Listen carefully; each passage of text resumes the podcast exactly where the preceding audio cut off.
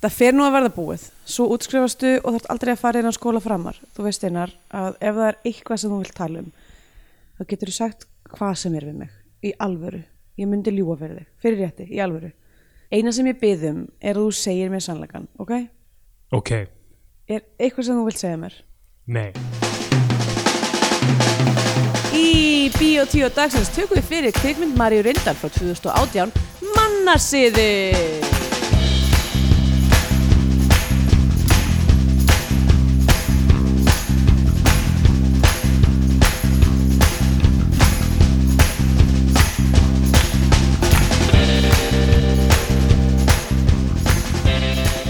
Já, komið heil og sæl og velkomin í Bíotíu hlaðarpið um íslenska kvikmyndir. Ég heiti Andrea Björk og hér með mér situr stendur fréttar Sælum blessaður, góðan daginn, góðan daginn. Góðan daginn. Góðan daginn. Þú ert með smá hálsbólgu. Pínur, pínur lilla ársbólka Þannig að þú ætlar að í, í, í Bíotíu dagsins tekur þú hlutur Batman og ég verð Bane. Bane? Bæn uh, Já, um, en annars já, bara góður? Nokkuð bara góður, já, eða þú veist, einhverja minni háttar svona eitthvað eitthvað, það er eitthvað að rjátla um þannig í hálsinu mínum. Alltaf, alltaf þegar ég veik þá tala ég um að það sé bara, æ það er eitthvað rjátlandum í hennu mínu eða Æ, ég er með eitthvað rjátlandum í maðunum eitthvað, Það er rjátlandum í rjá- rjá- alltaf rjátlast upp og niður hjá mér. Já. Uh, já, ég var í Amsterdam um helgina og, og hérna og að því við vildum taka lesti eitthvað við vildum vera Já. umhverfisvæn. Þannig að frekar en að fara í flug í svona klukkutíma þá tókum við sex klukkutíma lest. Mm Mhm. að því að þú veist náttúrulega með flug þá þarftu að að mæta á flugvöllin tveimur tímum fyrr og, og það tekar allt inn. Já, og svo er þetta að fara frá flugvöllin minn í borgina þannig að veist, þetta er kannski tve, tveimur klukkutímum lengra. Já, en uh, á móti þá þarf maður náttúrulega að vera með grímu ennþá í Þýskalandi já, já. sem er flott, bara ekkert, ekkert að því. Uh, en í lestinni þá sko þegar maður fer yfir landamærin til Hollands Já. það er bara tilkynnt núna með ég taka grímunar af. Vá, svo fyndi ég að því að það bara er, þetta er alveg tilgangslust já, já, eða þannig sé, það er alltaf nýtt fólk að koma inn og út úr lestinni Já, já, og stoppar Net. einhverjum uh, hollenskum bæjum með einhverjum óskilinu Já, þú veist, og ef það verður eitthvað svona, þú veist, contagion uh, moment, að þá gerist það innan, já, innan Hollands. Innan Hollands. Þannig að þýsk, þýsk stjórnaldir er bara, ekki okkur að kenna. Já, hann er þú veist alveg fjórir, fimm klukkutímar með, með grímu uh, að anda sér eigin lofti einhvern veginn. Mhm, og, og ég meina lestir eru mjög þægilegar samt, sko, við bara höllum aftur sætinu og sváum og þannig en, mhm, en hérna, það er samt rosalega mikið að sitja svona lengi. Já, maður getur lappa gangana, maður getur farið í ógeðslega matarvagnin. Já, emitt. Getur maður farið í, það er kannski ekki spennandi, eitthvað svona mæl, eh, ekki mæl, vantilega tveggja metra klúbin. to the two feet high club Já, emitt. það voru allir, maður var að sjá fólki í kring bara standa Ég upp á meina þetta er lestin til Amsterdam. fólk var svona, þú veist, að húka upp í lestinni Já. það var svona eitthvað, hei, hittast á klósitinu það var alveg alveg orgja þannig í þessari lest Shit. en ég lappaði hann um Amsterdam og, og þú veist, ég fann eitthvað lykt eða neitt Var allir bara að reykja vennilega sígarettur og hérna, rosa mikið tóbakslykt en annars, annars ekki neitt. Ok, rosa góður matur í þessari borg. Já. uh, Hræðileg list. hræðileg matalist Nei, já, það er engin með matalist þarna. En það er rosa mikið mat. Matur út um allt en Já. enginn vill borða hann. Það er allir inn á þessum kaffihúsum og viðast ekki vera neitt áhuga á að borða.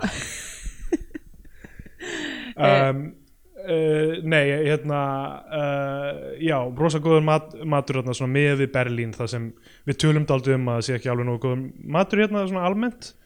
Sko, En- hann, hann er hérna. Já, maður þarf daldið að fara út fyrir hverfið sem Við við, náttúrulega búum bara neytum að fara út fyrir Nói Köln Já. Þannig að það er aldrei okkar vandamál. Í Einmitt, það er einhverju svona svona nokkri veitingastæði, við fórum á pakistanskan stað sem er nýr rétt hjá okkur. Já, og bara yes, það er, það er nýr góður matur nálægt okkur. Það svona ekki algengt sko.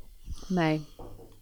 Um, uh, Ég er svo sem æði ekki Ég er með eitthvað svona eitthvað svona Berlín búsettan hérna svona, svona matar svona ég veit ekki hvað maður að segja matar áhrifavald eða eitthvað já, á uh, Instagram og hún er alltaf að fara á einhverja trillta staði sem, en þú þið bara eitthvað einmitt, svo tjekka ég á því að þeir eru bara eitthvað í panko eða eitthvað Já, og ég er bara ekki að fara þetta en þú veist, kannski þarf maður bara að opna aðeins hugafæri sitt og, og drulla sér út til fucking panko eða sér Lottenborg Já, já, þetta var eins og þú veist maður byggir Reykjavík og allir góðu veitingastæðinni væri á Akranesi eða eitthvað. Já, einmitt, um, jú, jú. Ekki En- það, ég, sko, held að, ég held að ef ekki ef í eitthvað svona smá ferð á Akranes Þið myndir leiðast það mikið í Reykjavík. Ok. Ég segi bara svona Nei, ég held að ég, ég, ég sé rugla. Ef það væri lest út á Akranes Já, já, það verið lest út Akranesi hver, hver, Hversu lítið leiðist þér hérna? Nú, mín tilfinning er að þú farir ekkert rosalega mikið út úr íbúðinni. Nei, mér finnst það æðislegt. Um, en, Ég er búin að vera núna í sko svona verkefnavinnu, svona það sem heitir á corporate speak uh, kick-off. Já, quarterly kick-off. Uh, gerist í byrjunum á knaspinduleikjum Já, einmitt, nákvæmlega. Og uh, já, það, er, það er svo fyndið í svona startup-dóti. Það er svo mikið af einhverjum já, íþrótta og stríðsmyndlíkingum. Og það er, það, er- þú veist, ef maður, þegar maður byrjar að taka eftir þessu þá verður það alveg galið hvað þetta er eitthvað eitthvað touch base og eitthvað, er eitthvað ég hef aldrei á æfi minni spilað ameríska fótbolta Þetta er hafnabólti, Haf- ég. sko, ég veit ekki eins og hvað íþrótta er ég veit bara að þetta eru íþróttavísanir og þetta er allt, þetta er allt alveg steik. Og eitthvað svo- svona, it's time for our uh, 10, p 10 am tactical. Er eitthvað, hvað hva eru við eða, veist, eru við eitthvað svona þú veist, einhverjum uh, centurions í einhverjum fucking, erum við að fara að búa til einhverja, einhverja, einhverja hérna, hérna, hvað er þetta aftur hérna? falangs Já, nákvæmlega, það sem allir svona raða skjöldunum sínum framfyrir og svona stór spjót, í, gegn nákvæmlega. Einmitt, jú þetta er það sem ég er búin að vera að gera núna í byrjun vikunar já, nei ég er bara búin að vera þú veist í einhverjum svona verkefnavinnu og fundum og eitthvað og ég þrái að vera ein heima hjá mér í heilan dag. Já. á Íslandi náttúrulega eru alltaf þessar sjávarútvegs myndlíkingar já, Eh, einmitt. Það alltaf eitthvað að stíga á ölduna bara og- hala inn og Já, einmitt, þetta er all, að, þú veist þess að fyndi hvernig þetta ke Já. kemur alltaf úr helst á svona áróðurs uh, geiranum í hverju, hverju, já, hverju þjóð, þú veist, bandaríkjamenn eru bara, bara hernaður og breytar og eitthvað. Ég það er að þjóður hafa þetta líka örugglega. sko, það er svo mikið af hollendingum í Hollandi. Það er fáránlegt sko. tjóðlega eru þeir allir hollenskir það er endar mjög fyndið með hollendinga. Þeir e- líta allir út fyrir að vera svo hollenskir já, já, það er alveg galið. Mjög fyndnir. Við ætlum ekki að fara meir út í þá sálma því að við erum dansandi okkur línu hérna. Já, allir þessi hávöksnu ljósærðu gaurar uh, sem líti ekki út eins og ég samt Nei, nákvæmlega, þeir eru einhvern veginn meira svona kinnfiskarsögnir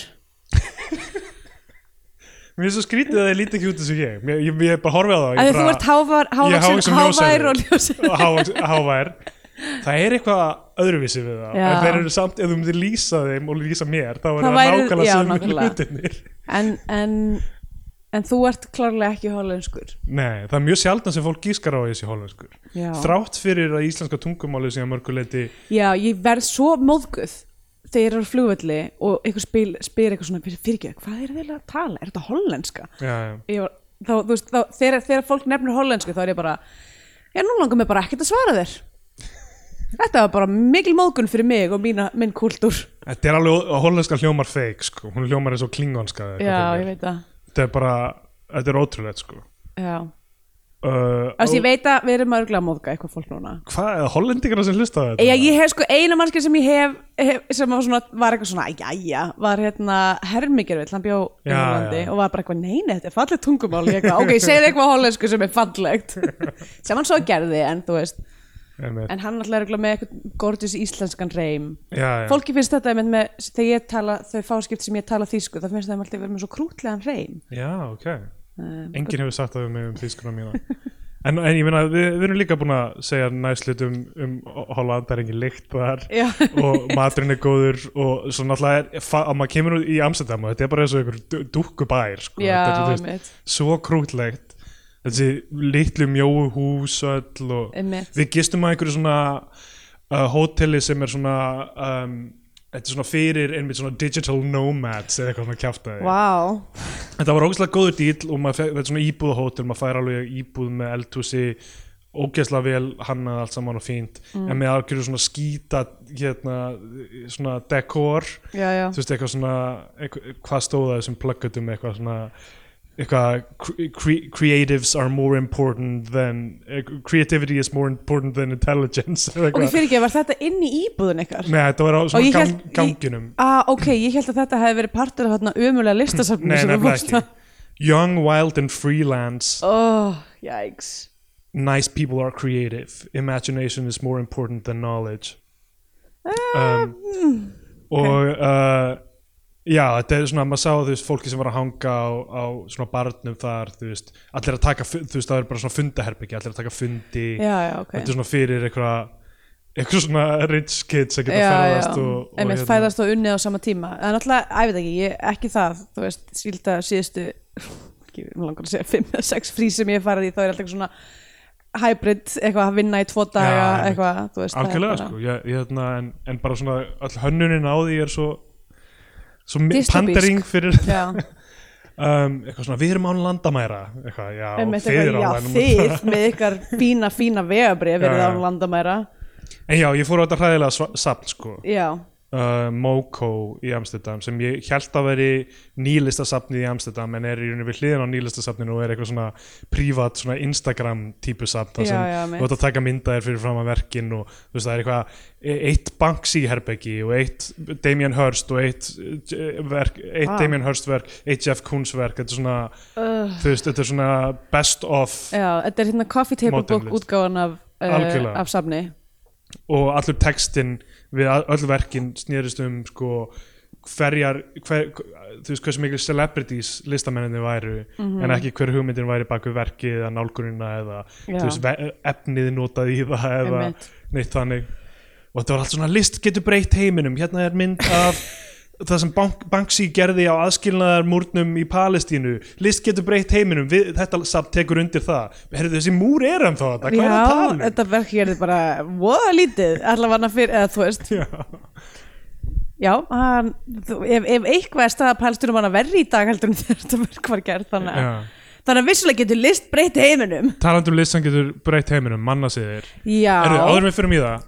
Geggja segway já, að- það var gott segway en við þurfum að gera eitt áður en við Ó já, í við þurfum að gera eitt annað Já. áður en að hérna, við erum komið með nýja við þurfum að Nýja gefa engla alheimsins, við þökkum öllum uh, búið að vera frábært uh, að sjá stuðningin við okkur á Já. patreon.com skástrík biotvíó indislegt þar sem þið getið nálgast þættir okkar bónustvíó Já. um, um hluti Ýmis- sem teljast ekki íslenskar kvikmyndir í fullri lengt uh, Já, en eru yngvað sér áhugaverð þættir uh, Já, myndi ég eiginlega segja. skemmtilega en þetta sem þið eru að hlusta á núna. Eiginlega. Ef ég er að hugsa tilbaka yfir, yfir bónustíu þættina sem við erum búin að taka upp og þá hefur, eru þeir eiginlega Við erum á algjörum autopilot af þessum þáttum. Allt, allt okkar juice fer í hérna sko. já, Hér erum við bara eitthvað að rjáttlast um og niður. En herðu já, við, við hérna viljum gefa uh, gott og uh, hjar, hjartnæmt uh, shoutout. Er til íslenskt orðið við shoutout? Ég veit ekki eitthvað svona heillóskir eða eitthvað heitla óskir. Uh, hvað heitir eftir þetta sem maður sendi í pósti? Um, það maður svona pan, simbrif Já, já, einmitt. Hétt það ekki eitthvað svona Svona bara telegram, hvað heitir þetta aftur? Nei, ég, nei, þú veist, svona sérstaklega sem, svo, veist, sem maður fekk kannski þegar maður fermdist að það var eitthvað já. frá, frá frængu sinni sem bjó siglu fyrir þau og nefndi ekki að keiri bæinn. Já, bara, ekki bara eitthvað svona símskeiti eða eitthvað. Jú, en það hét eitthvað svona heilla eitthvað. Já. Ó, ég man það ekki, allavega. Þetta er eins og hérna jólakvöðunar á Rás 1 eða Já, eitthvað sem við erum að gera. Fyrir Eh, þá sem borga fyrir að vera í, í efsta tier hjá okkur á Patreon Allavega, uh, big shoutout á Önnu Pálsdóttir, Anna á annan veg Pálsdóttir. Uh, Svo er Eisteinn Guðni Guðnason eða Eisteinn Tárur Eisteini Guðni Guðnason. Bara velkomin uh, í uh, engla hjörðina Engla hjörðum Er það ekki það sem að segja, er ekki englar, koma þeir ekki í Er hjörð? þeir í hjörðum? Ég held það, já, í Uh, biblíunni. Gæti verið, jú. Það hljómar eins og þeir séu svona Dýr. Já Já, ég meina að það er líka fallegt. Englar eru dýrslegri en við. Já, ég minn þeir eru með þúsund augu og þú veist ykkur að Er þeir með þúsund augu? sko, hérna það sem maður myndi segja biblically accurate uh, englar Já, eru já með eða svona, þú veist, það eru náttúrulega, eru náttúrulega mismandi stig af englum. Já, já. Uh, og ég held Erki. Uh, já, emmitt, ég held að sko eða þeir heita líka eitthvað svona svona serafínar eða eitthvað líka Já, ég man ekki alveg nákvæmlega hvað nöfnin eru en hérna, ég er enda með Oxford Annotated Biblíu en einhvers staðar, ég gæti komast að þessu já, um, en uh, kannski næsta bónuství ok Já, þá getur við Þá fjalla, engla. talað eins um mismunandi flokka af englum í himnaríki en þeir eru sérst eiga að vera e- eitt allavega held ég efsta er eitthvað svona með þúsund augu og eitthvað svona, þú veist, gett marga vangi, Já. tíu vangi eða eitthvað og bara, þú veist, og náttúrulega kerúbar eru náttúrulega ekki með líkama þeir eru bara bú, haus með eða það er náttúrulega kannski meira listasögu tengt en Ok. hérna, allavega þetta, allt þetta og meira í bónustíu. En það er engin misskipting hjá okkur hjá, í englum alheimsins. Allir englar alheimsins eru jafnir, Já. þeir eru æðri en þeir sem eru í óskapörnum þjóðarinnar eða einni stóri fjölskyldu. vissulega það er bara þannig sem Sú, er það, það er stígveldi hjá okkur á Patreon en, en all, allir englandir En eru jafnir. við elskum all, öll, öll, dýrmerkurinnar jafnt hvort sem að við eruð í um, Já, já, ef- sama hvaða flokkið eru. Allavega, uh, annað sem við þurfum að tala um er könnunin. Já, einmitt. Sem er náttúrulega, uh, þú veist, við erum að, uh, þessi þáttu kemur út í lok janúar, þessi könnun var í byrjun janúar en, en þannig að hérna, könnunin ætti að vera búin að já, við hafa kosið um það, eigum að sökva flagskipinu, eigum að hætta að gefa myndum uh, íslenska fánan eða bandarinska bjánan í Já. lokin? Og uh, 27% sögðu já í djúpið með það. Já, en 73% sögðu nei, við þurfum að vita hvort myndir fá íslenska fánan eða bandarinska bjánan. Þetta, hvað finnst þér um þessar Ég er alltaf miður mín af því að ég kallaði eftir því að, sökva flagskipinu. En, en sorry, ef, ég, hérna, þessi kostning á Patreon ég verð að bara henni. við verðum bara að hlusta á uh, rödd fólksins Já, er ekki þetta stoppa kostningunum, heldur hún bara áfram? Já, ok, Já, við skulum alltaf halda, halda hana áfram í smást, eða þú veist, út í janúar held ég já, bara. já, en það er svona kannski svolítið afgerandi hvað er að fara að gerast. Einmitt. Þannig að verðum við í lok þess að þáttar að gefa þe- þeim myndum sem við fjallaðum á árinu? Já, meinar. Já, ég held það kannski. Já, Alla, byrjum að tala um mannasiði en Mannasiði ég held, ég held samt sko bara svona svo áður en að ég gleymi því Já, við erum búin að fara í gegnum þetta samtal og þú veist, jú, jú, við höldum kannski áfram að gefa hérna íslenska fánan. En, en ég vona að sé allavega Kristal tært að hann skiptir yngur máli. Já, hann skiptir engum máli. Mannasiðir, sjónvarsmynd Já, uh, við höfum tekið nokkra sjónvarsmyndir og veist, mér finnst það alveg gilda jafn mikið og, einmitt, Og- ég menn þessi er þú veist, þegar báðu kaplarnir eru saman er hún í fullir leið já, já, og hún alltaf uh, kemur út á tíma streymisveitana og eitthvað þannig þetta, þetta meikar algjörlega sens að þetta sé myndi fyrir lengt mm. frá 2018 um, fyrsta mynd Marju Reyndal í fullri lengt Einmitt, hún uh, hefur uh, leikstýrt stuttmyndum, hún hefur leikstýrt sjónvastátum Hvað? ver, verbúðinni, borgarstjóranum já, ástriði uh, hlemma vídeo réttur eitthvað uh, herru, hún, hún vann að, í þriðja nafninu hún er aðstofalegstur í þriðja nafninu. Nei. Þannig að Í hver veit hvort alvöru? hún er að vestan?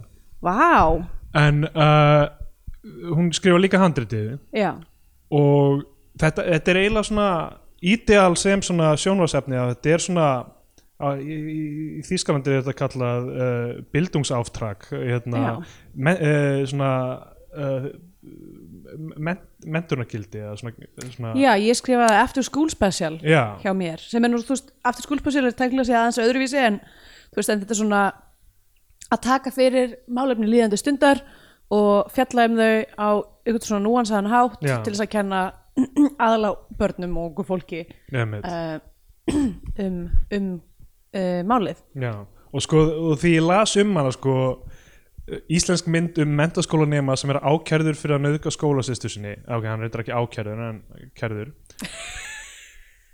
Uh, spoiler alert, málið er fætt niður. Hann neytar sök en á sér ekki viðreisnar von innan vekja skólans þar sem stúlkan á stærst stuðningsneitt uh, ég hugsaði eitthvað er þetta að fara eitthvað, vera eitthvað mega problematíst sko, út frá þessari lýsingu? ég svona, sko var, horfandi á myndina þá var ég allan tíma bara það getur ekki verið. Nei, nei, ég ætla að treysta þessari Marju Reyndal fyrir Já. að vera ekki svona, vera ekki bara eitthvað, herri já, svo var bara líf þess að unga drengs eðalagt Já, eilifu og við ættum öll að skammast þessi okkar ljúandi ljúandi kettlinga já, mitt uh, uh, allavega hérna uh, við erum hér hefði með það náttúrulega ekki verið pínu ok, fyndið, það hefði ekki verið fyndið það hefði verið hilarious. Ef að Rúf hefði bara dundrað í myndum bara eitthvað, eitthvað victim shaming Já. og verður bara, já og þegið svo. Hættið að tala um þetta. Við nennum ekki að gera fleiri kastlust þetta Nákvæmlega, þeir eru allar að ljúa hætti þessu bara. Um, Já, hérna hér erum við með Eystein Sigurðarsson uh, í aðalhuturki líklega, svona, eða þú veist það er reyndir ekkert þannig séð sko, það eru marg, marga personur, það er kannski erfitt að segja að hann sé aðpersona, hann er ungi drengurinn, hann er, hann er uh, hot boy í MH, hann er Já. frontmaðurinn í, Já. í hljómsveit sem heitir The Emotionals e, e, eins og emoji Já, Emoji-onals já, sem uh, er mjög fyndið já. uh, og uh, mamma hans uh, sem er leikinn af Solveigu Guðmundsdóttur hún er einmitt uh, kastljós uh, spyrill Já. Einmitt. Fréttamaður, hún hún er rannsóknar uh, fréttakona. Heitir ekki kastljós í þessu heldur eitthvað svona da, eitthvað, ekki dagsljós. Púlsin púlsin, púlsin einmitt. Og uh, myndin byrjar svona á heimili þeirra. Þar er uh, Sveitn Ólafur Gunnarsson leikur pappan já, og uh, Álfrún Laufeyjar Sigurðardóttir uh, leikur systurina sem Já. hún var náttúrulega í uh, Lof mér að falla. Einmitt. Og hérna og þetta er svona sætt byrjun að sena það sem þú veist uh, sískin er að kýta sem hver fær að nota klósetti á morgunin, hún er að vera sein í skólan eitthvað, eitthvað þannig. Og fóreldrarnir eru bara að vera eitthvað cute um, það er hann ekki sem fjölskylda? Já, og bara svona einhvern veginn mjög, já, ætla ekki. Og, og þarna var eiginlega sko tótt slegin líka sem að mér saknaði að síðan smávegis að var ekkit í- svo mikið fjallaðum eftir, eða setna í myndinni sem var þú veist í rauninni margviðra vandamáli sem er bara sexism í samfélaginu því að það er eitthvað svona, þau eru eitthvað að tala saman og dóttirinn segir eitthvað, en pabbi þú ert samt með miklu herri laun heldur en mamma er það ekki? Og hann eitthvað, jú en það, það er ekki það sem við erum að tala um hérna. Eitthvað svona já, já. um, uh, og, reyn, og er í staðin sem mér fannst sko mjög pappalegt og Sveitn er mjög pappalegur í þessari mynd. Um, Já, hérna, er að í staðin fyrir að svara spurningunni leiðir eftir hann enskuna er eitthvað í, í grundvallar atriðum sé þetta trikk spilað oftar en einsunni nákvæmlega, þetta er, þetta er uh, leið heigulsins út úr umræðum. Uh, hvernig er aftur frasin uh, a foolish consistency is the hobgoblin of little minds. Ég ætla ekki að þýða þetta. Um, sem kannski á einhverju leiti við eitthvað, ef ma- maður festi sig í einhverju svona Já, formsatriðum frekar en að, frekar en að frekar en að nálgast hlutina einhvern annan hátt. Uh, um, já uh, ég myndi samt þýða þetta meira sem Hobgoblin Herðu, ég er bara í mínu hobgoblin mót á þessu ári sko. hver er munurinn eiginlega á goblin og hobgoblin? um, Ég á að vita þetta, ég hef alveg spilað mjög ég mikið flett þessu upp en ég er búin að gleyma þessu sko. Þetta, þetta, er, þetta er verra en hlutindin sem ég sagði um hollendinga mun, mun ekki hverju munurinn á goblin og hobgoblin er. þetta er eins og að vera, já, töluðu hérna eitthvað asíst tungumál, hérna, þú veist, eitthvað japansku eða kóresku eða eitthvað eitthvað, þetta er svona smá þannig að ruggla saman Oh hobgoblin og goblin. Já, goblin samfélagi er að fara, er að fara sko nákvæmlega, okkur. það er að gera manna síðu um mig sko. hvernig ég er útskúfaður. Uh, en uh, ég myndi samt því að literally meira sem bókstaflega í í grundvallar grundvallaratriðum, já. en allt í lagi sko, hann fyrir í skólan strákurinn. Mm, og þar er, hann er náttúrulega spaði með sínum hljómsveitavinum að í MH einmitt, og það er einhverju tónleikar í Miklagarði. Já, sem að, ég myndi halda að frekar væru eða st- yfirleitt í norðurkjallara Já, ég myndi halda það sko. Er miklegar stærra rými eða? Já, það er bara samkomisalurinn Já, ok. í miðjum skólanum.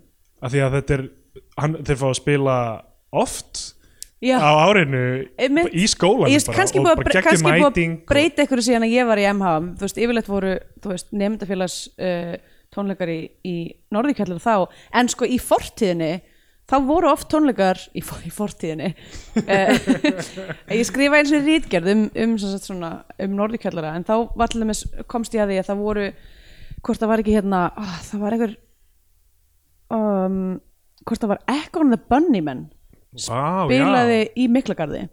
Einmitt, ég maður þegar Bukka Shade spilaði í MH Já, með það var í Miklagarði líka. Já. kannski bara fyrir svona stærri, stærri atbyrði þá eru hlutir færðir yfir í, í Miklagarð.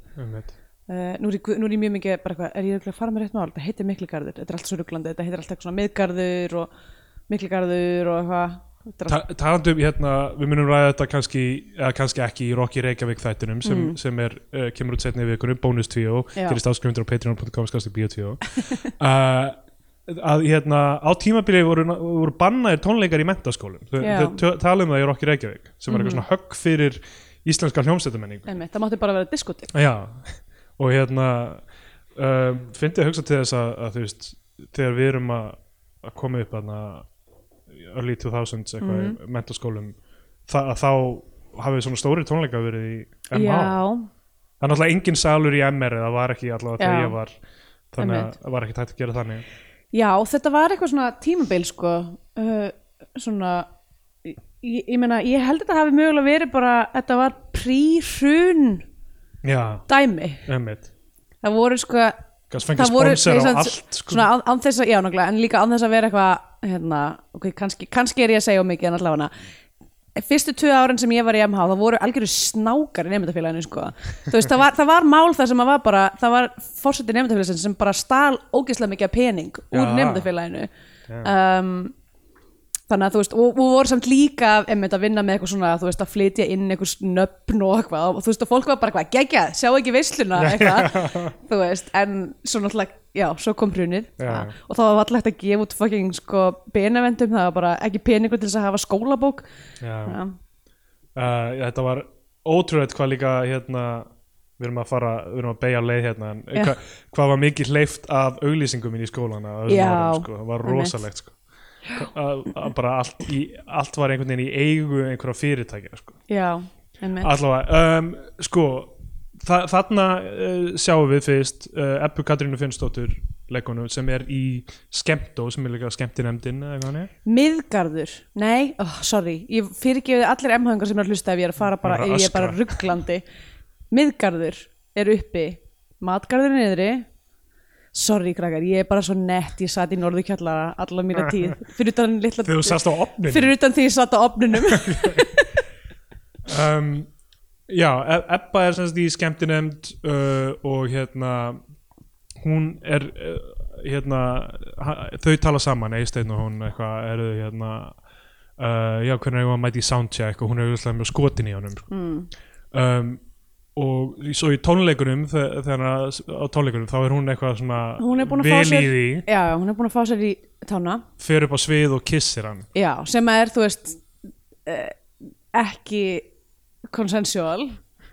Já, meina hún hún bara upp á svið já. og kissir hann. Já, þú veist, sem að þú veist, að, maður alltaf þú veist, að, að það síðan er, náttúrulega síðan er ekkert sérstaklega mikið talað, eða það er bara talað um það upp á, þú veist, að eitthvað augljósa sína fram á hún hafði áhuga í lauruglumálinu, en þú veist en þetta er samt heavy manipulative move, já.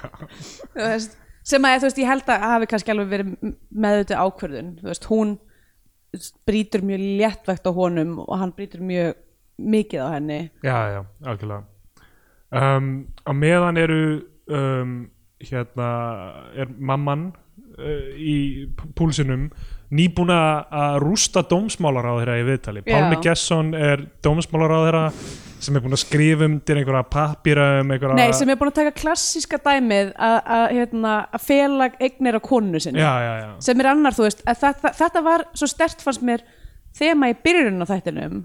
Eitthvað Já. svona, þú veist, hvernig þetta er líka þú veist, í restin af lífinu. Þetta, er, er ekki bara issue fyrir úlinga heldur bara, heldur bara sexum áfram að að vera svona þétt ofin í gegnum allt samfélagslegt net um, og já, og hún er búin að eitthvað, taka hann í bakarið fyrir að vera fela eignar á koninu sinni sem er svo fucking ógeðslega algengt, Já, það er algengt. insane En uh, já, mjög algengt ég, veit, ég náð, náði ekki almjöla samhinginu þarna sko. Mhm.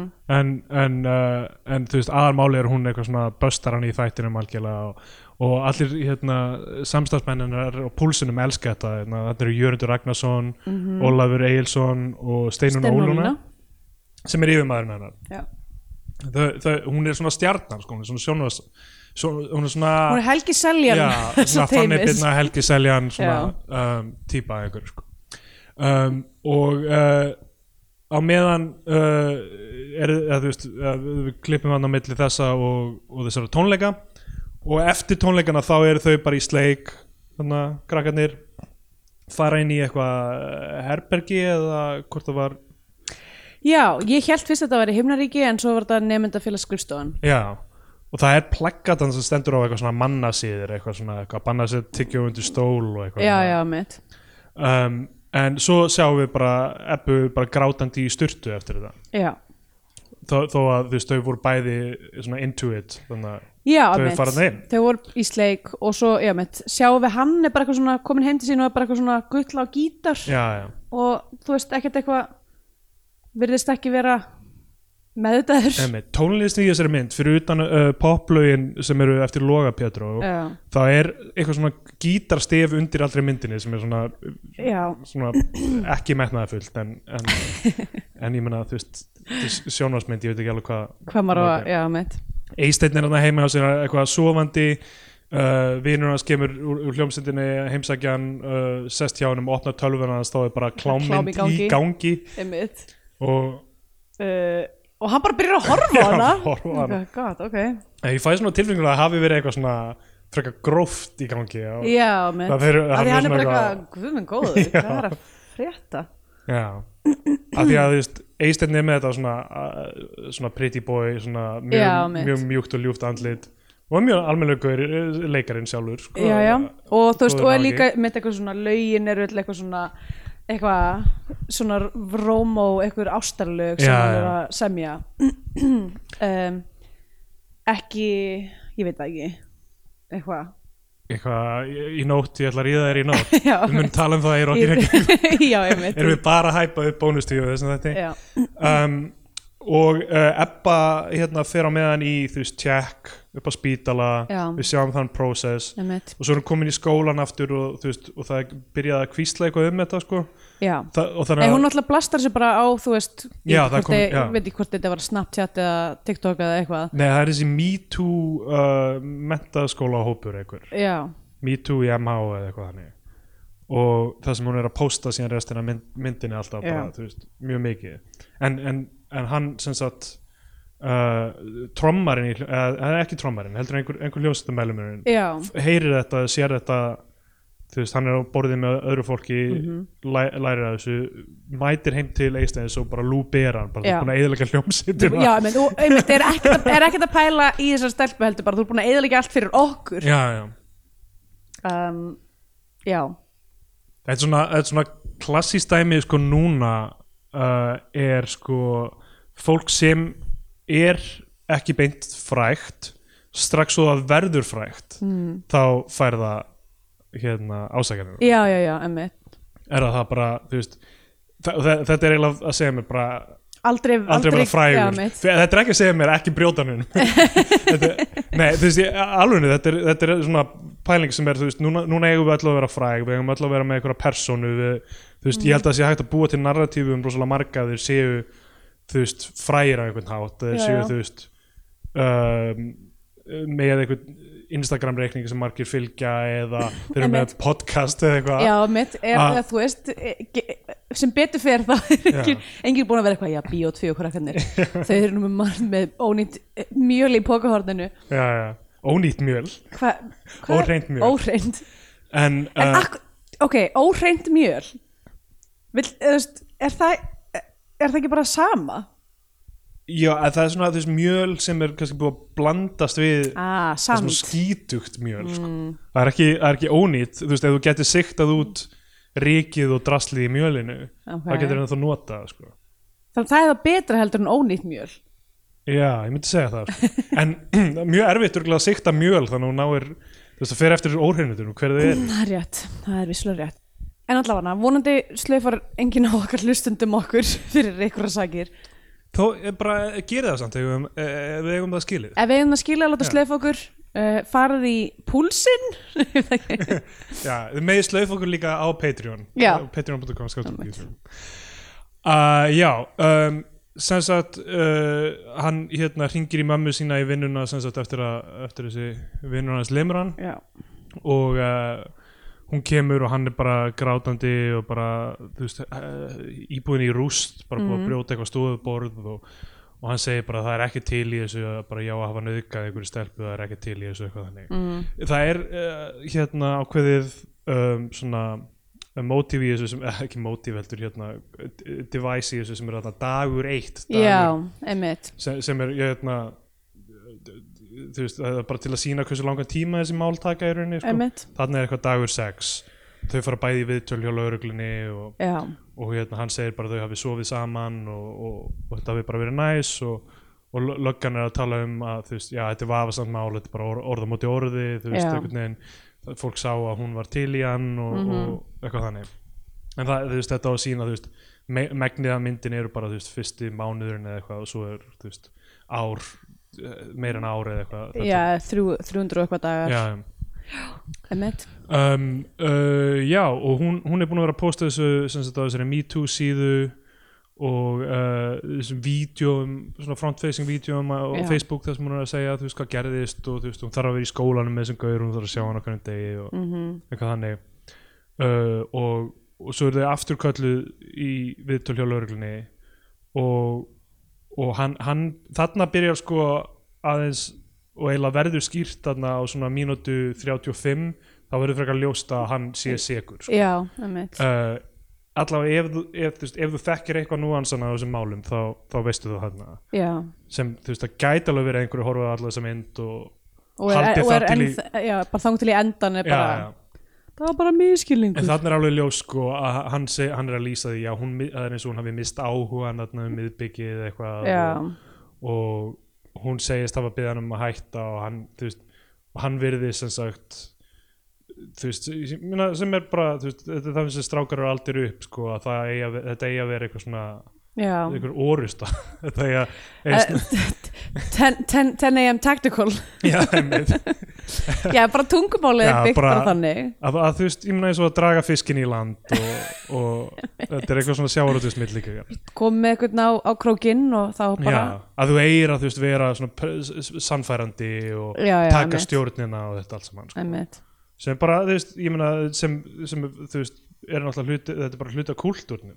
Þetta er, Mhm. þetta er uh, yfirþyrmandi sko. í, í allri menningu sko. þetta er í tónlist og Einmitt. myndböndum og náttúrulega allur kláminu líka sko. já, sem er náttúrulega ástæðan fyrir að þessi sena er þarna í, á, þarna á milli í rauninni þar sem að það er stabilisir að hann horfir mikið á klám já, já. uh, alveg tvo point þar sem hann lokar ekki einu svona brásargluggarnum Já. áður en hann fer að sofa sko, ég man ekki hvort, jú, ég held að það sé í þessari mynd, jú það sem fólk er alltaf að loka fartölvum já, sko ég veit ekki með aðra en ég, ef ég er að horfa á eitthvað í fartölu þá íti ég á pásu Já. og loka síðan. Sama hér. Og mér, stundum er fólk bara að loka tölvunum og ekki endilega því að það er að fela eitthvað heldur bara því að það er að fara að gera eitthvað annað. Já, einmitt. Og ég hugsa alltaf bara að þetta spilast örgli í nokkra sekundur. Þegar ég opna aftur þá spæðist Stendur fólk er búin að vera tilbaka erut með svefni verið þessu. Já, ka- þú hvað veist, er þetta kann- fólk að gera? kannski sumar fartölur þannig getur hljóðið heldur smá áfram. Já, einmitt, nákvæmlega. Um, ég hérna þú veist, þegar maður notar Airpods ég lendi í því, ég notaði bæði með tölvunni og símanum og, og það er randomli því ég klikka á Airpodsin hvort það, það fer á play í tölvunni eða símanum. Já, Bara já, hvort, kannski hvort einmitt. ekki tengt. Og stundum er tölvan lokuð, ég klikka á Airpodsin það byrja bara að spilast í tölvunni. Já, ok. Og ég heyri bara hljóðið í einhverju Einhverju YouTube-myndbandi. einhverju einhverju YouTube-myndbandi eða, eða þú veist, tónlistin sem ég var að hlusta á eitthvað, ég er bara, tölvan er lokuð. Einmitt. Hvað þýðir einu sinni slíp lengur á tölvu? Ekki neitt, það, það er kveikt á öllu, öllum stundum og það er allt að hlusta. Uh, já, en, en þarna, já, um, uh, þarna er orðið frekar ljós, sko, hún talar um hún hafi frosið. Já, og hann, Einmitt. hann talar um hann hafi, er þetta ekki fyrst skipti sem hann gerir þetta? Eða, jú, þú veist, einmitt. Þetta er fyrst sem hann sefur hjá einhverju? jú.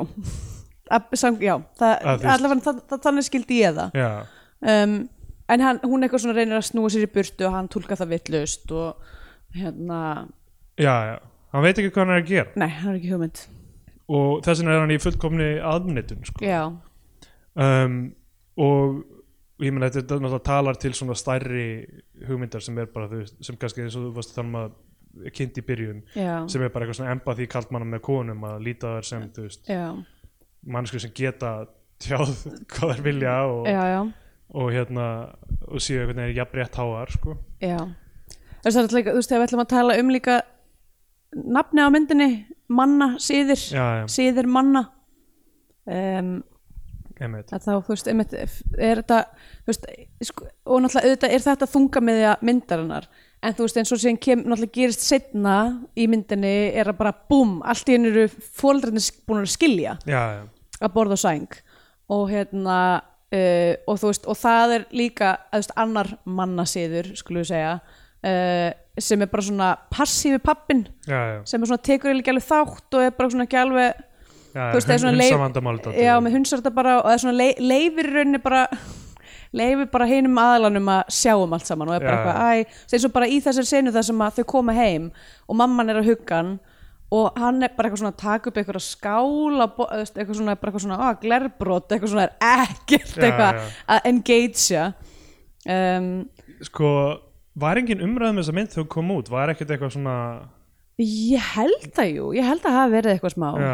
Um, ég hef ekki tekið eftir því en, en hvo- hvort það hafi verið eitthvað svona einhver kommentar brjálaðir eða eitthvað yfir já, þessum feminist áróðri á rúf eða eitthvað hannig ég er. Rúglega einhverjir Já, en hérna svo er sko, þarna er þú veist málið byrjað að malla um, þessir uh, rúf samstagsmenn eru þarna í, í matarbúði heima hjá þeim það er verið að grínast með að nú, nú er komið eitthvað fólk sem er bara breatharian sem bara andar í staðan fyrir að borða. Já, og, og þá segir pappin eitthvað svona, já ég er bre- breathaholic eða eitthvað, eitthvað, whatever. Já, já. Uh, en hérna hann endar síðan á því að fara norður, eitthvað óskilgrænt norður pabbi, Já, hann er, held, er ég arkitekt nei, verkfræðingur eða eitthvað Já. ég held að það sé verkfræðingur og það er eitthvað byggingaverkefni fyrir norðan og hann þarf að fara þanga bara. En áður en fer þá keirir hann uh, svona sinni í skólan og segir við hann bara, herru, ég, bara þú mátt, verður bara að vera hreinskilum við mig, þú mátt segja hvað sem er ég myndi Já. ljúga fyrir rétti.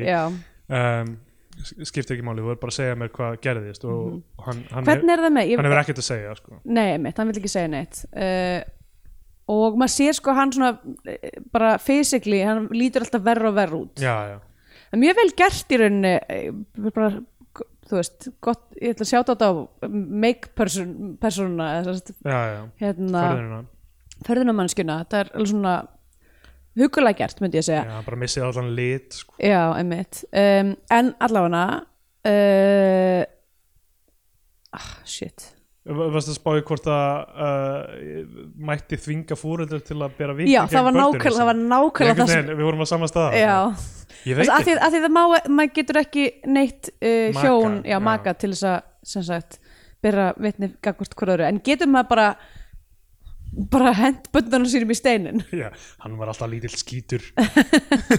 Já, frá því ég fekk hann í fangið á fæðingadeldinni þá hefur hann verið bara fyrsta sem hann gerði var að klíma mér nefið og það endaði ekki þar óþólandi þessi börn sko. uh, en já uh, hann er þarna farin bara eitthvað og, og þannig. En þú veist að, já, það var hann þetta breatharian dæmi máli með karakterinnars uh, Jörundar Ragnarssonar er að hann trúir öllu. Hann trúir því þegar hann er sagt allir bruna hannar í Garðabæ séu bláir. Brandar um sjálfstæðismenn í Garðabæ og eitthvað. Aha, en uh, hún er kölluð á teppið sagt mamman og þarf að þú veist bara heyrðu þú verður að hætta aldrei umfjöllun um kynferðisbrotamál Já. í púlsunum á því að uh, það veit allir þessu máli þínu. Já. Um, það, það Máli sonar þíns. Já, já, máli sonar þess að hérna það, þetta er bara of uh, það litar þetta allt saman sko. Já, og svo sest hún, hún er eitthvað upp í bíl að tala við mannin sinn og þá, þá hérna Kemur- bankar ykkur kona. Einmitt þetta, ég get ímyndað mér að þetta gerist örgulega mjög mikið með þessa hérna, Já. þú veist eins og allir sem bara alltaf á Facebook bara, ég líka bara gett samt með stundina sko, Já. rítstjórna e-maili hjá stundinni eftir að Helgi Seljan byrjaði að vinna þar var bara, all, bara allir pósta var bara, ég, mér finnst að Helgi Seljan eigi að fara í þetta mál móðgæti fyrir alla aðra sem vinna þarna ég er hérna með, með það er eitthvað gruggut í gangi þetta, mér finnst að Helgi Seljan eigi að taka sér svona mánuð og Já. nágranni minn er eitthvað, er eitthvað hann er alltaf eitthvað að rjátla þetta í húsinu sínu. Ég veit ekki en er gangi. verð þetta samt ekki ymmit, ymmit hérna, þegar þú býttu, þú hitt hver var aftur sem að þú hittir uh, Edda Heiðrún. Nei, Nei, nei, þetta Björg Edda, Edda Björgvins, já, djók, auðvitað ekki, auðvitað ekki Edda Nei, Heiðrún, nei, hún því miður fallið frá. Já, en hérna, já, Edda Björgvins bara, bara svona, þú ert að gera svo flotta hluti á stundinni, bara aldrei hlusta podcastu Nei, þú veist, ég veit ekki, það er svona þessi svona, þessi svona eldri kona sem að verði bara láta það koma fram, það Já, er bara að já. gera rosalega góða hluti ég var að tala við hana Já, fyrir, sko Já, já, Þetta var bara næst hlutir sem hún vissi um mig Já, já. Edda Björgvins myndi ekki stoppa mig ef hún þekkti mig og mömmu ekki út Já, já. götu nei, nei, nei, ég bara, veist, nei, ég bara tala um veist, að þessi svona þessi hlutur er einhvern veginn Já. bara, ég, mér fannst þetta bara svona eitthvað ah, já, auðvitað myndi þetta gerast Við vorum í ég, við vorum um fjöllur um okkur, ég var í viðtali í fréttablaðinu Já. um og, og þar var bara sett bara blaðmaður á stundinni þó ég starfi ekki lengur hjá stundinni bara, þetta er virðinga til í samfélaginu. Já, þetta er svona blaðmaður emeritus. Já, já, er það ekki bara? Já.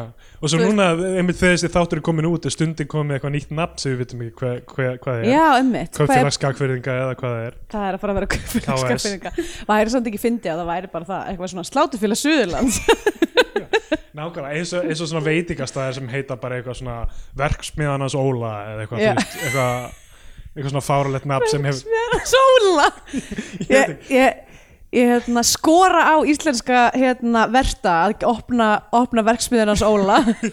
Nei, menn eins og skemmtistæðir sem heita bara eitthvað, þú veist, stálsmiðan eða, já, þú já. Veist, Ég meina þetta heitir náttúrulega eitthvað svona magasín eða, eða fabrika eða eitthvað. akkur mega dagblöð ekki heita einhver svona óskiljanlegu nafni. Já, já, emmitt, nákvæmlega. Það, það er alltaf bara veitingastæðir og skemmtistæðir og barir og eitthvað. Já, ég skora einnig á uh, stundina kjarnana að hérna, endurskýra blæða sitt uh, verksmiðanas óla. Ertu búin að lesa fréttina í verksmiðinni hans óla í dag?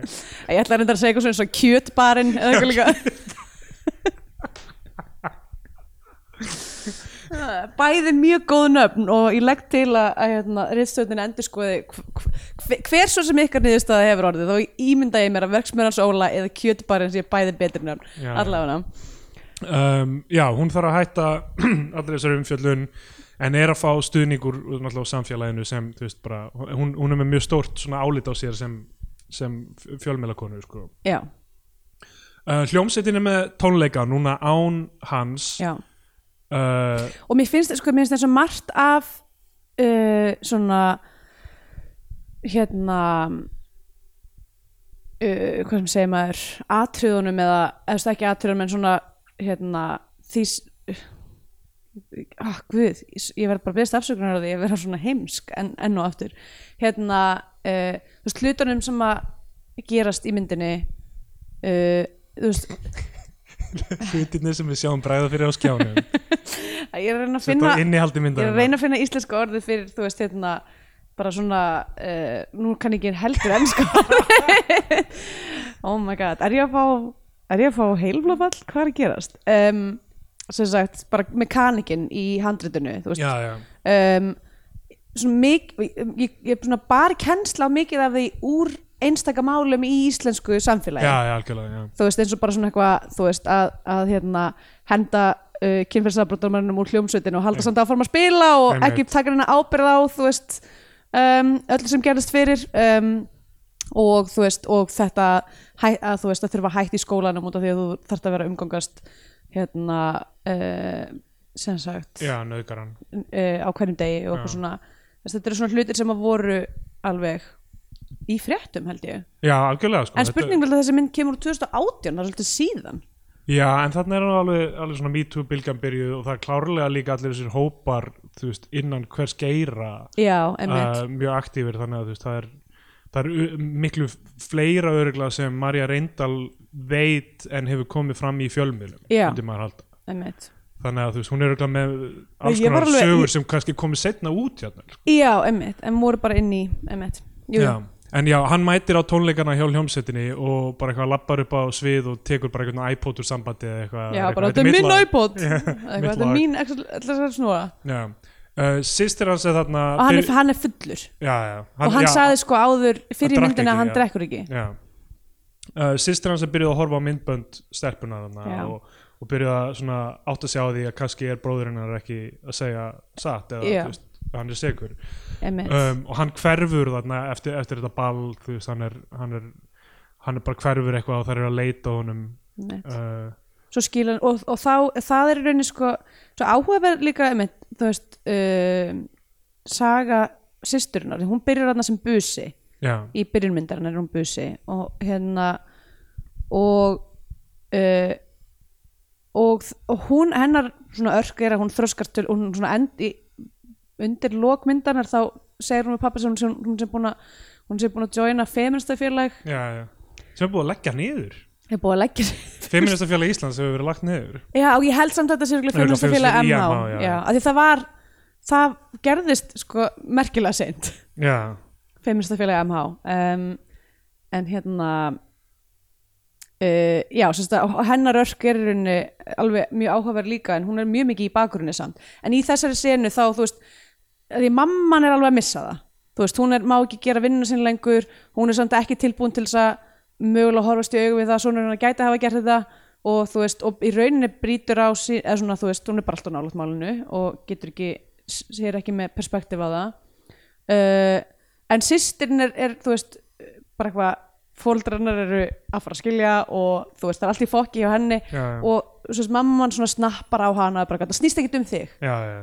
Hún, er, já, hún er svona uh, maður sér svona ripple effects af þessu máli Já. gegnum alla fjölskylduna í hana og, og um, og svo er líka þú veist aðri hlutir í þessu eins og þú veist eh, hérna karakterin sem Ebba leikur stelpan uh, þólandin hún hérna hún er að tala um í þessum myndböndum þú veist eitthvað mamma mín varð fyrir misnótkun sem barn mm. og svo setna þegar hún fer í viðtal í sjónvarpi tala um hvað- ömmu sína líka eða eitthvað þannig já, sko. En að tala um þetta sem já. svona generational dæmi sko. einmitt, eða sérst það að því hún byrjar að tala um þetta og svo heldur hún áfram að tala um þetta og hún lætur þetta ekki droppa Já. og svo á einhvern tímpúndi segir hún í þessum hóp, þessum myndbandi eitthvað svona, mamma mín vill ekki lengur tala um þetta við mig Já. hún segir bara, ég er bara að, þú veist move on bara, já, nákvæmlega sem er náttúrulega, þú veist var náttúrulega bara hvað fólk gerði já, já. En ég með þú veist, uh, já, hún er, þú veist, hún er þarna eitthvað að vinna í túristabúð og, og er, að, er sko, Taka þessi myndbönd. það er mjög lítið af momentum í þessar mynd sem eru fyndin eða svona léttvæleg en það er þarna mynd, að hún er að taka þetta myndband í þessar búð og það er einhverju túristar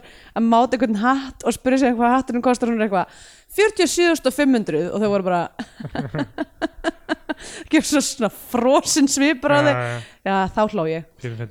Uh, já, en þú veist en þú veist, það sem er verið að sína hjá henni sem er, mér finnst frekar gott í þessu er sko, náttúrulega hvað þetta verður sko, náttúrulega tekur mikið pláss í hausnum náttúrulega svona laga og þú veist, að tæknin gefur núna uh, eitthvað svona outlet fyrir að tala um þetta. Mm. getur talað um þetta við ósynlegt fólk í rauninni uh, og, hún segir þú veist í postunum sínum eitthvað hvert like Hvert skiptir hjarta. mál, hvert hjarta skiptir máli sko eitthvað þannig. Að fá validation fyrir veist, til þessar tilfinningar sko, sem var alltaf erfiðar að fá þegar þú gæst bara að tala við þína nánustu. Og þá ertu alltaf að leggja það á allt fólki í kringum þig að hlusta aktíft einhvern veginn og, já, já, og, veist, og auðvitað verður fólk þú veist, sama hvað vandamáli er veist, þá verður, fólk þreytt sko, það er náttúrulega bara mjög mannlegt.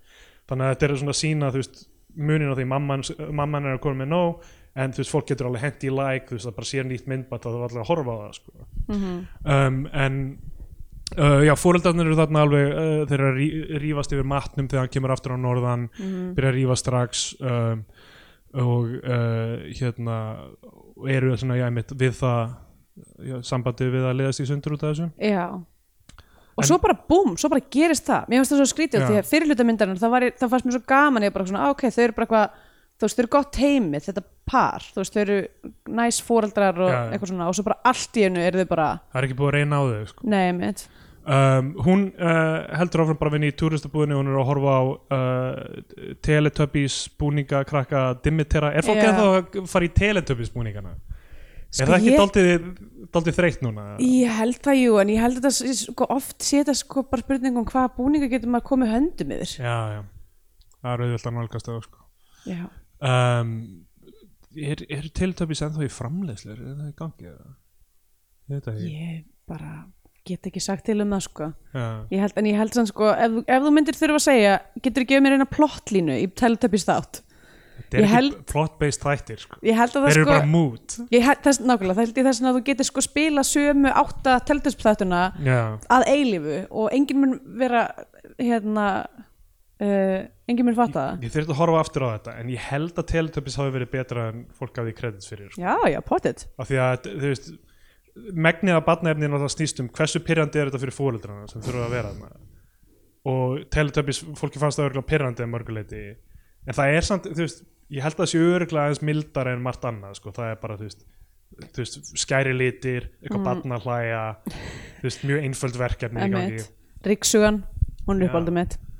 um, en uh, já, hún er þarna hún horfir á krakkan Dimitira og hún er að uh, posta um það mjög pyrrandi, ég er ekki að útskrifast út, út af því sem ég lendi í en hann er að útskrifast. Mm og, og ég þarf bara að vera áfram í skólanum með alla minningarnar og eitthvað sko, Já. meira, veist, meira en aðrir þú veist að hún var fyrir ára sko, þú veist, í skólan Já, þetta var ekki bara einhver, einhver húsi einhver staðar eða eitthvað þannig, þetta var Já, í veist, að það sem hún þarf að mæta. Já, mitt og þarna byrjar svona uh, dags uh, að telja rosalega hratt dagur. Já, bara, þú veist 137, 172, 203, 276, 300 og svo Einmitt. málið felt niður. Já, ónægar uh, sannanir sko.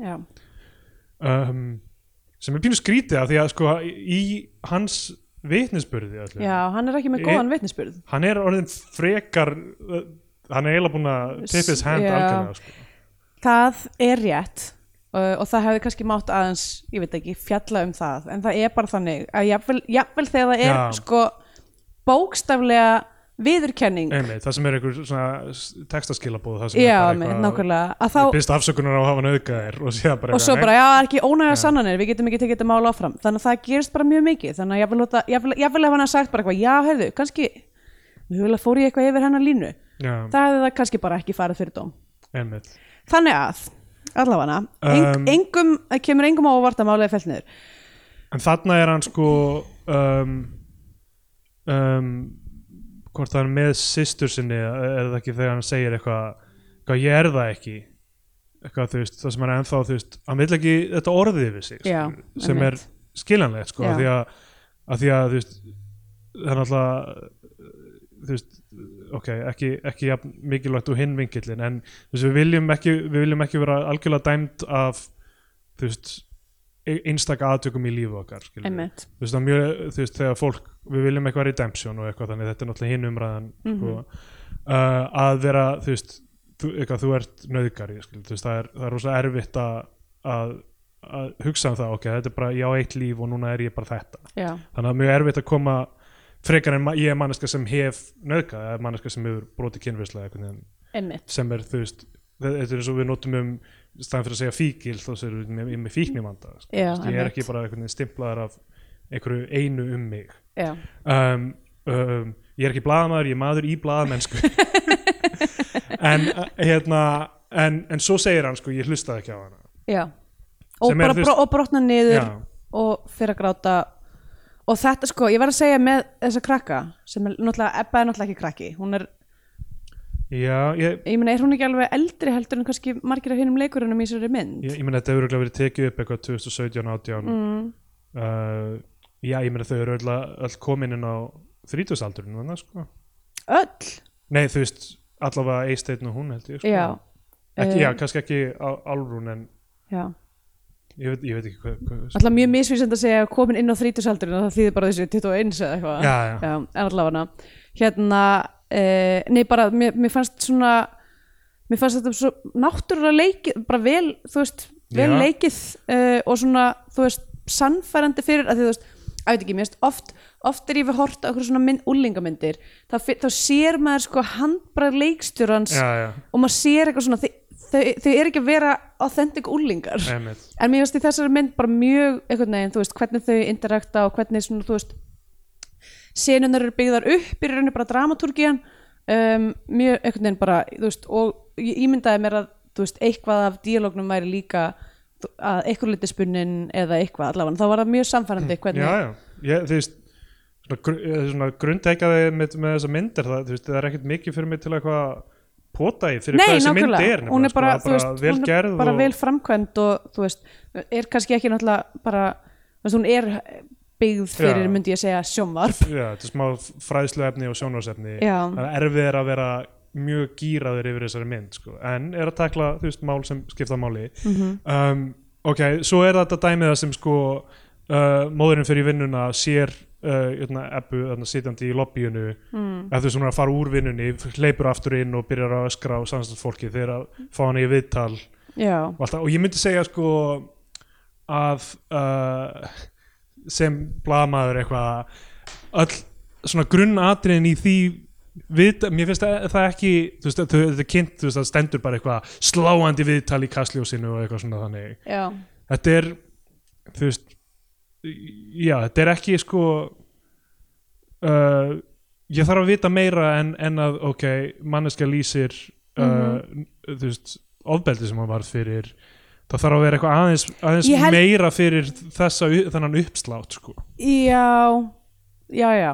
Veist, en, ég, er- en ég held mér finnst það sko eins og að því að þú veist hún hann ríkurinn og er eitthvað, Já, þú veist, brjálast og þau eru svona að að segja, þetta er ekki, eins og heldur þetta sé og svo er viðtalið miklu meira um bara kærluslegan vanda, hvernig samfélagi tekur við manni, Já, já. þú veist, er ekkert ógislega mikið um málið per se heldur, er fjallar miklu meira um bara prósessin Já, en uh, ég hugsaði strax þarna hefði, þú veist, ok, hún talar um það í viðtalinu um, og, og við sjáum, þú veist, pappin er að horfa viðtalið strákurinn að horfa viðtalið með systur sinni og kemur í ljósa sem sagt uh, systir, uh, hafði samband við hana kom á einhvern svona fundi eitthvað neyri við strönd. Þar sem þau eitthvað svona eiga eitthvað mómenta sem þau hittast og hann viðurkennir það sem hann gerði mm. og eitthvað þannig. Ég hugsaði að þetta er meina eins og þarna er ekki Þórdís Elva sem eitthvað svona var með fyrirlestra með, með manninu sem já, emmitt ég hugsaði að þetta er meira Já. þar sko. Ok, af því að það finnst mér uh, ok, erfitt að fara í þe- þetta er svona eins og hvað annað við talum þessi mál sko, þetta er ekki jafn sláandi og eitthvað þannig. Já, já, þessi maður, þessi strákur er er já, kannski, kannski er hann orðin 19 ára eitthvað, þetta gerist líklega Mm. ekki. Þannig er, já, kannski Já. orðin lögur á það. Þetta er full mikill uppsláttur á máli sem var eiginlega börn. Já, emmitt nákvæmlega. Og, og ekki einhver svona þú veist, ok, hún, hún, hún er ke- kemur í þetta viðtal hún er mjög hérna, hún talar um þetta er ekki bara nokkri vondi kallar, þetta er fólk sem við þekkjum allt þetta dæmi, svona þemaði í myndinni, þetta er, þetta er samfélagslegt vandamál meira en einstaklingslegt já, og hérna sem er, sem er rétt, en, en ég sem ef, ef þetta hefur tekið upp á rítsjóndafundi eða eitthvað og ég hefur Já. verið eitthvað að segja, þá hefur ég verið eitthvað þú veist, er þetta, er þetta nóg fyrir svona já, drottningaviðtal við þessa mannesku sko. Já, þetta er líka orðamóti orði um mál sem var fellt niður Já, og já. þetta er þetta er bara sem blaðamaður myndi ég segja þá varst bara, herri þetta er hræðilegt, ég er svo slöktur á myndinni. Ég- fyrir ekki, þú lokaði tölvunni. Já, ég lokaði af því ég, þú veist, sem blaðamaður væri ekki búin að sjá alla hlutin sem hafa gerst í myndinni berum augum sko. Já, já, emmitt, nákvæmlega.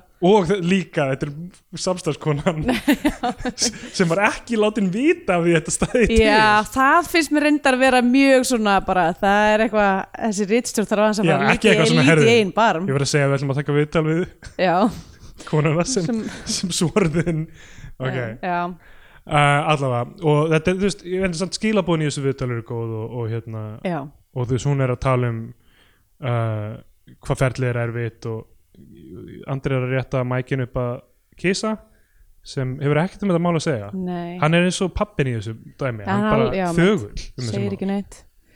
Hann er bara pyrraður út af því að hann er ekki búin að fá matinn sinn. Já, hann horfir á með reyðum augum. Það er ekki komin matatími kisi ég er ekki komið mattími en alltaf mynd, myndin endar með þessu þú veist, að svona, bara þessu viðtali. þessu viðtali Og þau svo- að hittast þannig á já, ströndinni svo er bara klift yfir það. Við heyrum ekkert hvað fyrir þeirra á milli bara sjáum að hann, þú veist, fer að gráta og Já, já. eitthvað um, en já, ég meina tvær, uh, tvær uh, mjög brotnar mannskur sem þurfa að byggja sig upp frá þessu já, eina mómenti.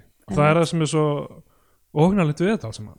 Já, Er- er hvað hérna hvað eitt móment getur haft mikil áhrif. Mikil áhrif sko. einmitt. Þetta er, þetta er fyndið sko því að, að ekki, maður, mann hefur verið sagt þetta allt sitt líf með eitthvað svona að setja sér bílbelti. Já, já, bara, þú veist, þú mynd sjá eftir því þegar þú getur ekki gengið lengur. Uh, en þú veist, en já þetta, ég held það sé náttúrulega bara punkturinn með þessari mynd er bara þú verður líka, hugsaði Já. um þetta eins og bílbelti. Nefnilega. Og það er með mér veist alveg ótrúlega hvað hérna all, að þegar, þegar við vorum ung sko, hvað þetta, þú veist, all ímyndin var sko nöðgarar eru, þú veist, þeir eru í eitthvað sem húsasundum já, og eru í eitthvað svona frökkum og, og flassa þig og elda þig eða eitthvað þannig. Já, en einmitt. ekki bara, þú veist, það getur verið bara þú sko sem, það getur verið bara í eitthvað svona einn af strákurum í bekknum núna. Já sem að var sko sem lítur á sig sem góðan gaur en, en þú veist, er færum að gera eitthvað slæmt sko. Emitt, nákvæmlega Já, uh, ég, einmitt, ég veit ekki, ég, bara, ég er glöð og ég vona, auðvitað samt auðvitað, náttúrulega halda þessi mál áfram að koma upp og, og, og, og raunar það sem maður heyrir um, þú veist, hvað er í gangi hjá, þú veist, ungum strákum, þessin úlingum í dag, sem bara eitthvað, allir eitthvað fucking hlusta eitthvað Andrew Tate-vídeó og eitthvað, já, já. bara, það er bara mjög skeri og hellað og því miður þá er þetta ekki eitthvað svona þú veist, það var vitundavakning í mentaskólum fyrir fimm árum og núna er allt í lægi Já, já. það er ekki keisið. En þú veist, en þegar ég var í MH þá var, þú veist, það var, ég mjög þess að ég fekk smá svona uh, þegar, þegar þetta var að gerast í myndinni út af því ég held að það væri að beigja inn í him- himnaríki en ekki nema og himnaríki er svona, þú veist, það sem að, að það er svona vinnusvæði fyrir aftan um, norði kjallara það sem að auglýsingar nefndu eitthvað svona er og það er svona hangir í miðar það sem að stórfélagið er ofta að hanga. Já, já. og það var þegar ég var í MH það var kynfyrsarbröndumál sem átt sér staðar. Ó, vá. og sem að var bara mjög mikil þú veist, mjög skandall og óþægilegt og, hérna, og ég veit ekki hvort það hafi verið veit ekki hvort það hafi verið eða, þetta var allavega á allra vörum. Og ég var bara svona guðminn góður, er þetta bara á sama stað og eitthvað þú veist, uh, já, óþægilegt. En, um, en allavega þá eru núna svona myndir sem er að tala um þetta og það er allavega hægt að eiga eitthvað samtal ég held að það sé kannski munurinn þetta var, veist, þetta var ekki á þessum stað allavega þegar ég var í MH myndi ég bara segja Svo auka að drýja sig, en Íslandi er líka bara oflítið samfélag. Það þarf að fjölga fólki á Íslandi. Mm. Já. Það þarf, að, það þarf að hleypa inn svona miljón innflytjum. Það þarf að átnömbura Íslandika.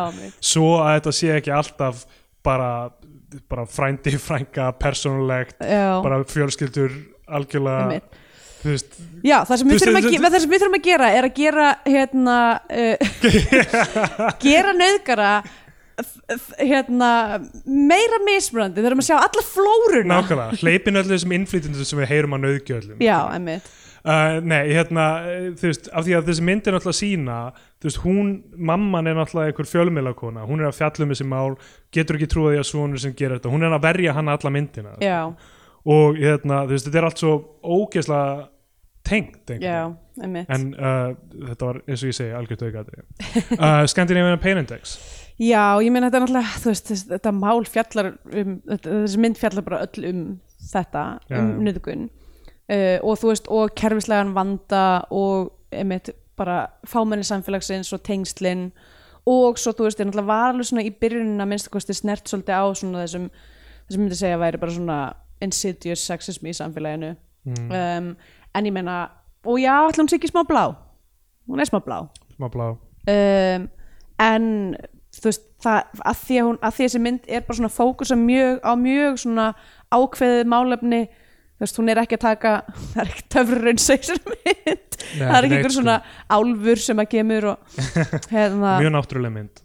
Uh, já, þannig að það er nú ekki eitthvað voðalega mikið en vissulega fjallar hann um bara mjög djúpan harm uh, og svona interpersonal samskipti og svo leiðis um, já, ég veit ekki. Ég ætli s- hérna ó, ætli ég segi ekki bara ætli gefa henni uh, þrjá nei fimm af sjö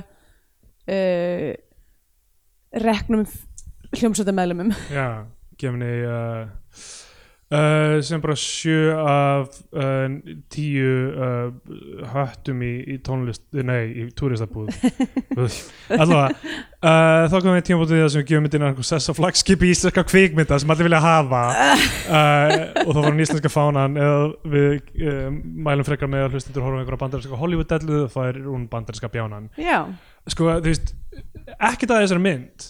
Ég, get, ég get ekki sagt að þetta sé eitthvað svona þú veist já, það er ekkert að henni en ég get ekki sagt að þetta sé eitthvað mynd sem, sem er eitthvað slíka, þú veist, hún er, hún er aðeins svo uh, didactic, hún er aðeins svo Mhm. hún gerir þetta vel, gerir þetta rosalega vel en hún er, þetta er svona málefnismynd og ég get ekki orðið spenntur fyrir henni. Já, já, þannig að veist, ég get ekki alveg gefið henni íslenska fánan en veist, en þess vegna vildi ég losna við þetta fucking kerfi, að er þú, þú ákvæmst að treysta á raddir fólksins og þetta er hva, hvert að kom þér. Já, það er verið að þvinga út í hot hérna til að gefa henni banderska bjánan sem er fáraleg að eins og ég segi ég get ekki ímynda mér eiginlega mikið betri nálgun fyrir utan einhvern lita núans að þú veist ef það var að fjalla um þetta mál á einhvern svona fræðsluhátt sem sjónvarsmynd bara einstaklega vel gert og bara, bara gleðu með sérstaklega margt uh, upprænandi fólk uh, hérna, hefur síðana sko, og getur einhvern veginn svona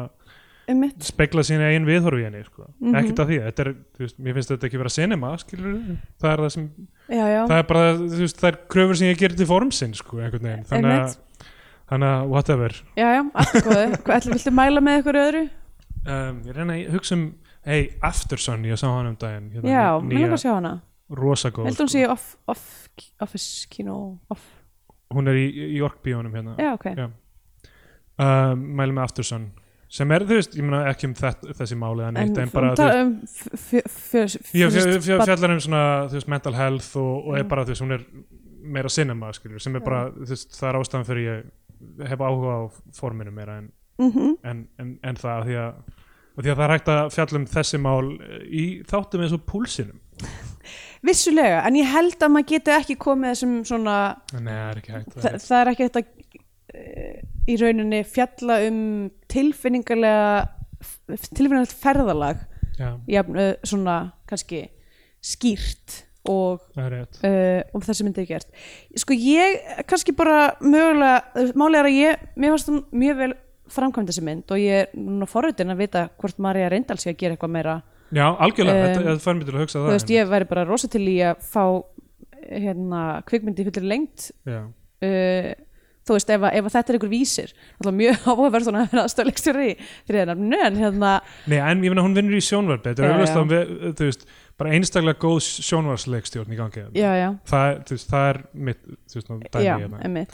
enga síður, uh, sko náttúrulega, hvað við hö- höfum talað um uh, flagskipið sem eitthvað sem við myndum mæla með við útlendinga Eða, þú veist, það sem, það, veist, myndum við, myndum við segja, þú veist, eitthvað, við eitthvað, eitthvað fólk hér, Já. eitthvað, já, þú verður að sjá mannasiði. Líklega ekki. En ég myndi samt segja að mér finnst eins og að þú veist Íslendingar, Já, e, bara allir Íslendingar ættu, uh, myndi fá eitthvað út úr því að sjá þessa mynd. Og þú veist, af þeim sögum finnst mér hún mega vera á íslenska Já. á flaggskipi íslenskra kvikmynda af því að fyrir hvernig er þetta flaggskipi ef ekki Íslendinga? það er rétt. Uh, Flagskipið sem ég vil að sem þú vilt sökva að sigla á tundur dubl uh, fyrir í- dimman, dimman, sjóin um, Ok, Já, þannig ég ætla bara að þá er þetta kannski bara alltaf lægi ég, þú hendir henni fyrir borð og ég veið hann aftur upp. Ég veið, ég veið hann aftur á krókinn og halinu upp á dekk. Já, hljóman eins og ég hef verið ok, ég var að vonast þessi mynd eru þið um gaur sem er uh, wrongfully accused? Eins og Já. kvikmyndin wrongfully accused með Leslie Nielsen. Uh, en, en svo fjallaði þetta um eitthvað, eitthvað einhverja núans á eitthvað, óþólandi Herru, ef að taka bara svo hraða yfirferð þá á myndinum hingað til? Já, ok, Alma, Alma, gefin íslenska fánan. Þú gefur henni íslenska fánan? Flott bara. Nei, ég, ok, ég, og ekki ég. Uh, Þá, Ekki- Þú, þú ræður, nei, ég segi þú gefur henni íslenska Já. fánan og ég gefur henni ekki íslenska þú fánan gefur henni bandarinska bjánan Já, Ok, Já. flott. Uh, Veiðiferðin, bandarinska uh, bjánin bandaríski bjánin Þrótt, bandarinska bjánin uh, Já, byrja hérna er Oxmanblondan uh, Þrótt, já, bandaríski bjánin líka. Haustljós, bjánin Það erum, við erum búin að þessu Já, Ok. flott, við ætlum ekki að fara meira út í það af því að það, það er þetta bara svolítið langur þáttur og ég líka, þessar myndir eru mér ekki ferskar í minni Já, eru þið ánæð núna Patreon áskrifendur? Eru þið ánæð með þetta? Já, fannst ykkur þetta gott? Andskoti Ok, uh, ég er, er ekki uh, bara nokkuð góð eða? Ég myndi segja það, uh, við þurfum að spara bensinnið fyrir uh, bónustvíó. Já, og svo var ég að hugsa, með ekki að fara út í lunch hérna á, á kjötbarinn? Að mér langar að fara á, á sko. hérna í verksmiðun hans Óla. Bye. Ok, bye Til að styðja við Bíotvíó og fá aukaþætti í hverju viku farið á patreon.com skástrík Bíotvíó Svo væri geggjað ef þið myndi gefa ykkur svona stjörnir og þannig á Apple eða Spotify eða hvað sem þið hlustið á hlaðverk. Það hjálpar víst öðrum að heyra frá Bíotvíó heldur við þannig að uh, þannig virkar algoritminn eins bestu viðskilina allavega. Takk! Í bónus 2, auka þætti 2 þessa vikuna, er til umfjöllunar heimildamind Friðriks Tórs Friðrikssonar frá 1982, Rock í Reykjavík.